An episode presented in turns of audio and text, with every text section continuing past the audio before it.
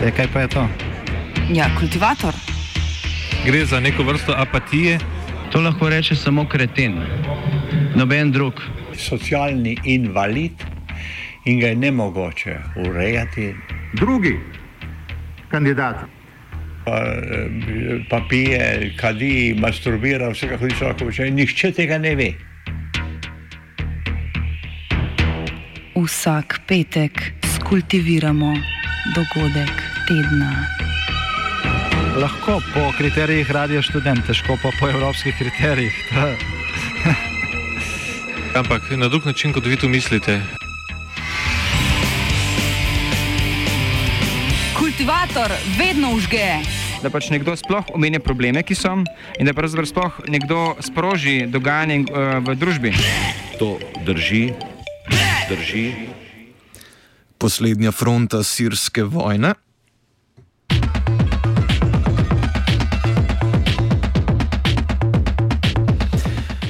Slabih devet let po začetku sirske državljanske vojne so vladne sile pod svoj nadzor vrnile večino ozemlja in mest, ki so bila še nekaj let nazaj v uporniških rokah.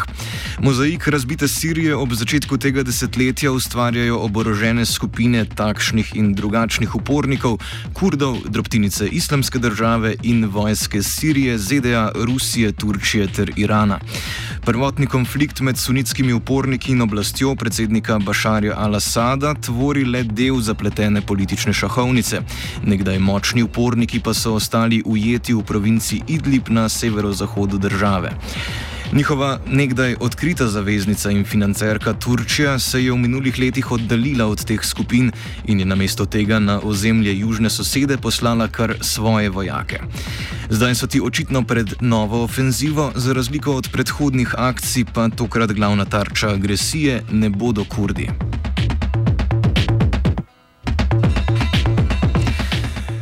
Turški predsednik Recep Tayyip Erdogan je zagrozil, da bo svojim silam ukazal, da do konca februarja začnejo z ofenzivo proti sirski vladni vojski v provinci Idlib. Z vojaško operacijo Erdogan grozi v primeru, da se sile, ki podpirajo sirskega predsednika Bašarja al-Assada, ne bodo umaknile z pozicij, ki so jih zasedle v minulih tednih. Sirska vojska je ob podpori ruskega letalstva do konca lanskega leta začela od Alepa na vzhodu prodirati proti osrčju province Idlib. Tam so skoncentrirane sirske uporniške skupine, ki jih združuje nasprotovanje Al-Assadu. Sirska vojska je nedavno naprimer odprla glavno cesto M5, ki povezuje Alep in Damask. Prav tako so se po osmih letih začeli letalski leti med mestoma.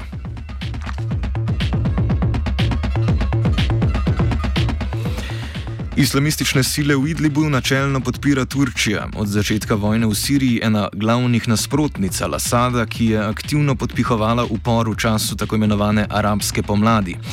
Turčija je sicer na to z vključevanjem Rusije v konflikt na strani sirske vlade leta 2015 vsaj deklarativno omilila svoje stališče do Al-Assada. Turčija se je zadnja leta tako gospodarsko kot vojaško začela zbliževati z Rusijo, na zadnje naprimer prek plinovoda Turški tok, ki povezuje Rusijo in Turčijo pod Črnim morjem. Ali z nakupom ruskega protizračnega orožja S-400. Vendar pa v Siriji Rusija in Turčija ostajata na nasprotnih bregovih.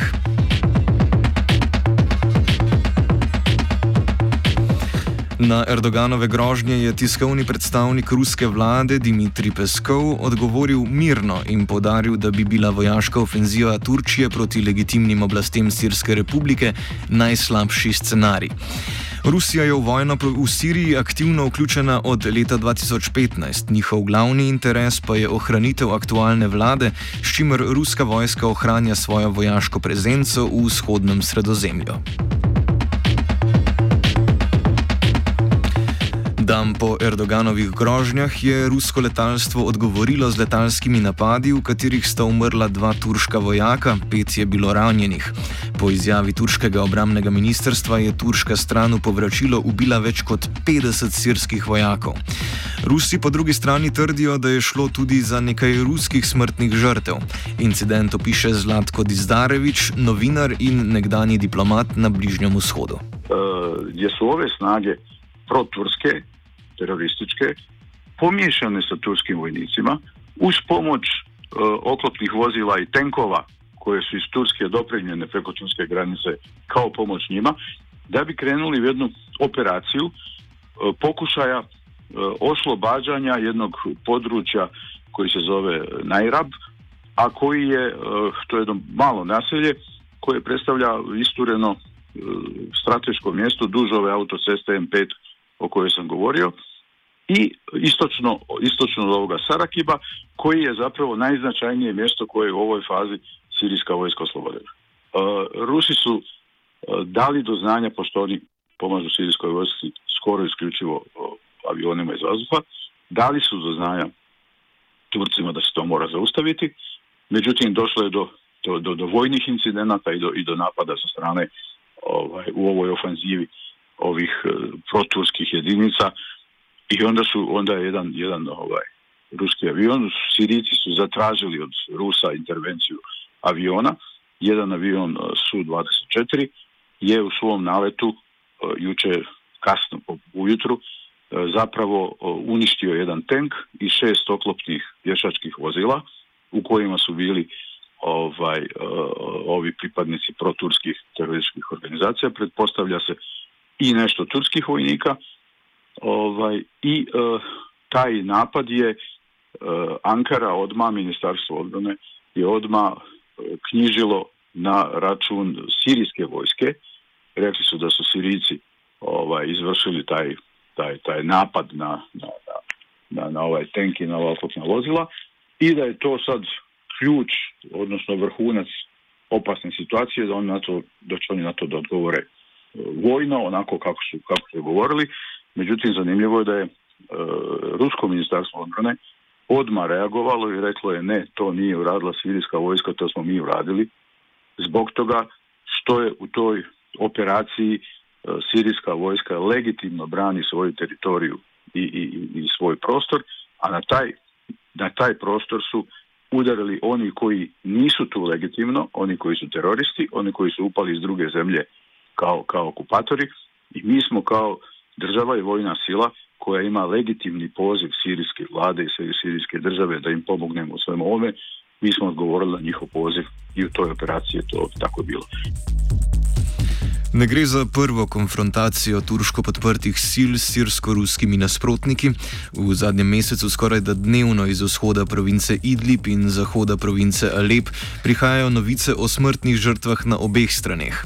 Erdoganove grožnje napovedujejo nadaljne zaostrovanje konflikta, a gre pri njih še zmeraj le za grožnje, ki imajo za sabo, po mnenju Dizdareviča, upanje turškega predsednika, da Rusija ne bo neposredno napadala turške vojske. Erdogan je vrlo vjerojatno vjerojatno računao da e, ti e, turski vojnici koji su tamo na osnovu ovih osmatračkih punktova koje oni tamo imaju. E, njih je bilo više, njih je bilo desetak, dvanest, međutim mnogi su od njih u ovoj ofanzivi sirijske vojske već pometeni i, uništeni i ovi su se povlačili i stoga stalno su prijetili da će da odgovore, međutim nisu odgovorili vojno i povlačili se, povlačili se, ali su računali da će prisustvo turskih vojnika ovoliko koliko ih ima biti garancija da ovi ove, ove proturske uh, proksi snage da oni mogu da obavljaju svoj posao da ih neće niko napasti da, da, da, da ne bi došlo do direktnog sukoba između ruskih i, i turskih vojnika.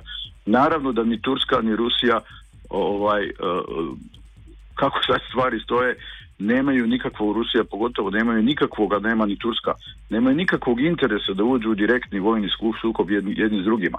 Prema tome tu se tu se u pozadini igra, uh, igraju prljave igre sa strane Turske i Erdogana koji je bio uvjeren da Rusija neće direktno učestvovati u odbrani uh, sirijske vojske i odnosno u podršci sirijske vojske i u odbrani uh, teritorija tamo onako kako su oni to zamislili. Vode se, vodi se kod onih koji i ove logično razmišljaju o posljedicama kako može jedna iskra da, da, da tamo sad ovaj, dovede do, do ogromnog požara, vodi se računa. Amerikanci i Rusije u tom kontekstu, evo, na temelju te priče, ovaj, pokazuju da se može mudro reagovati.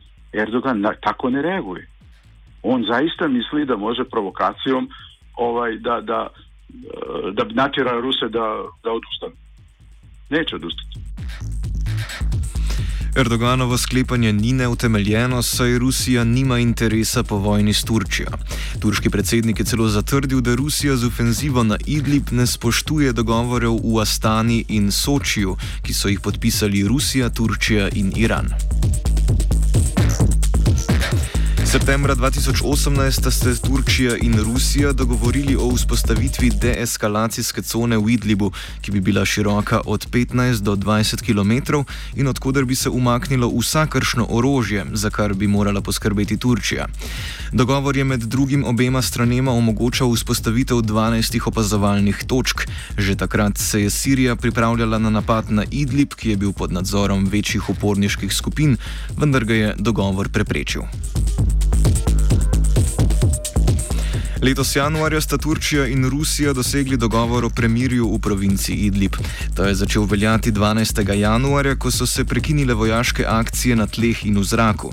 Turčija si je za premirje prizadevala več tednov, saj je na tisoče civilistov umikalo napadom v Idlibu in bežalo proti turški meji.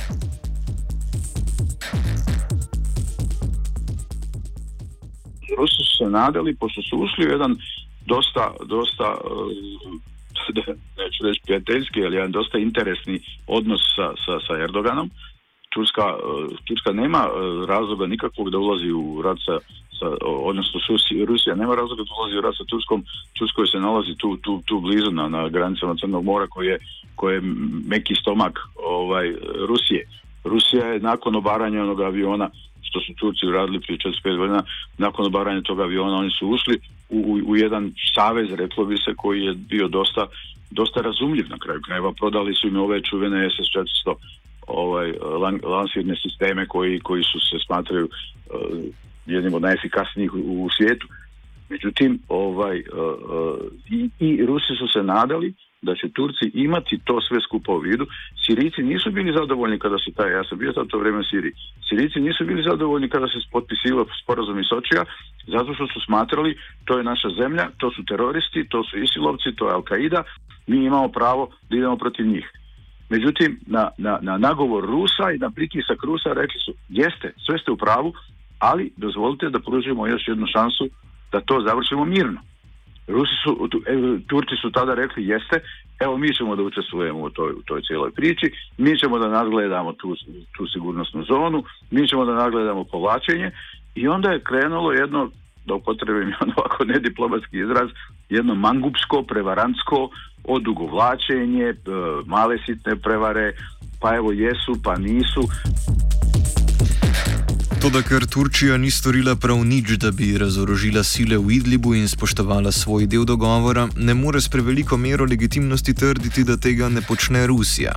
Rusija si je z dogovorom, za katerega je že vnaprej lahko sklepala, da ga turška stran ne bo spoštovala, predvsem skušala zagotoviti legitimnost lastnih vojaških operacij. Erdogan očigledno ne poštuje dogovore iz Astane i Sočija, gdje je bilo prije dvije godine još vrlo precizno dogovoreno kada je sirijska vojska pokazala namjeru da ide u oslobađanje celog tog regiona Idliba.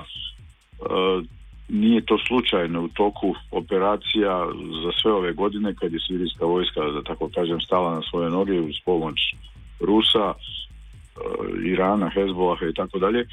Oni nisu imali brojčano ni kapacitet ni interes da, da idu u ofanzive i u čišćenje cjelokupnog prostora Sirije odjednom, nego se onda išlo regionalno e, dio po dio, a, a, a vojska, ova, odnosno teroristi, Isilovci, Nusra koja je tamo bila pretežno i najjača, oni su bili prisiljeni da nakon svojih poraza da se svi skupa vraćaju i skoncentrišu u Idlib.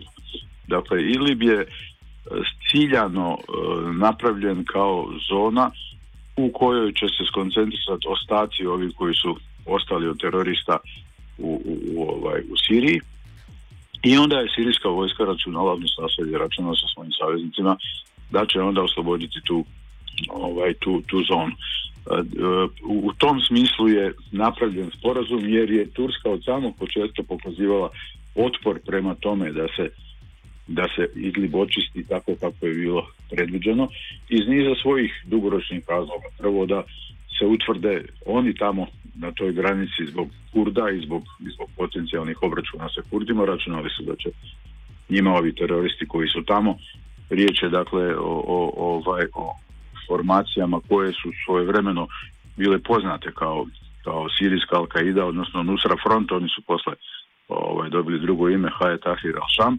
Međutim, riječ je o najgorim e, teroristima koji nisu imali čak ni mogućnosti da prihvate uh, amnestiju koju je Asad ponudio u to vrijeme onima koji naravno nisu ovaj, klali i razvoj najgore stvari.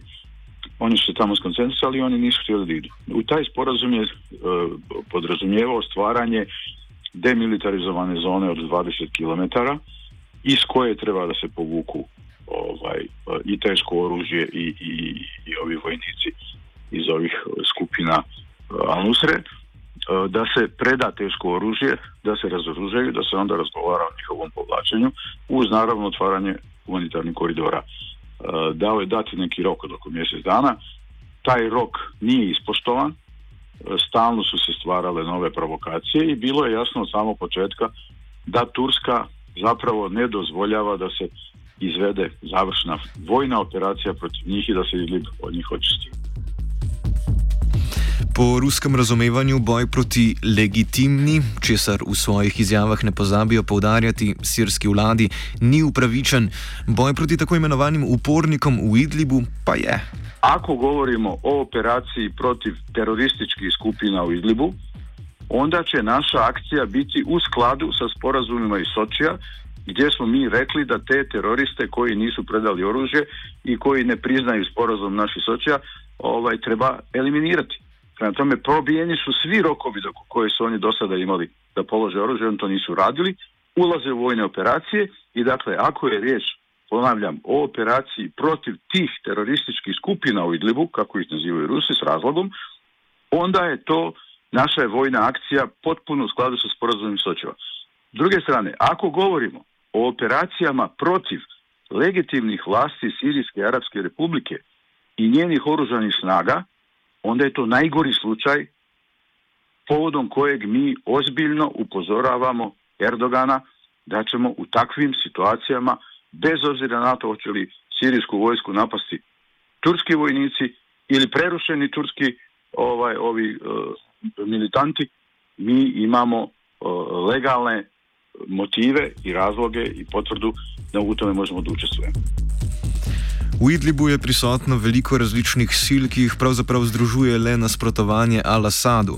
Izmed številnih oboroženih skupin v provinci Idlib imajo prav posebno mesto Turkmeni, ki so turški narod v Siriji in so kot taki pod posebnim varstvom turške vojske. Razloži Giuseppe Akonča, poznavalec Bližnjega vzhoda in raziskovalec na univerzi v Padovi.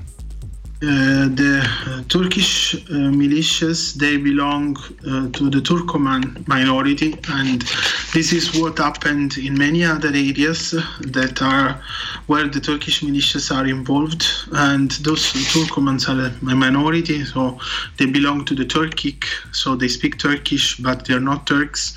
And some of them they are local. It means that they already lived in these provinces, and this happened in Afrin as well.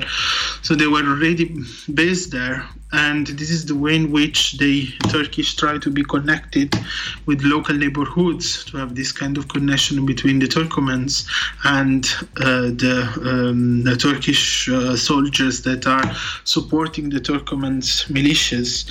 And this is the way in which they control the area of, Afrin, and they can do this.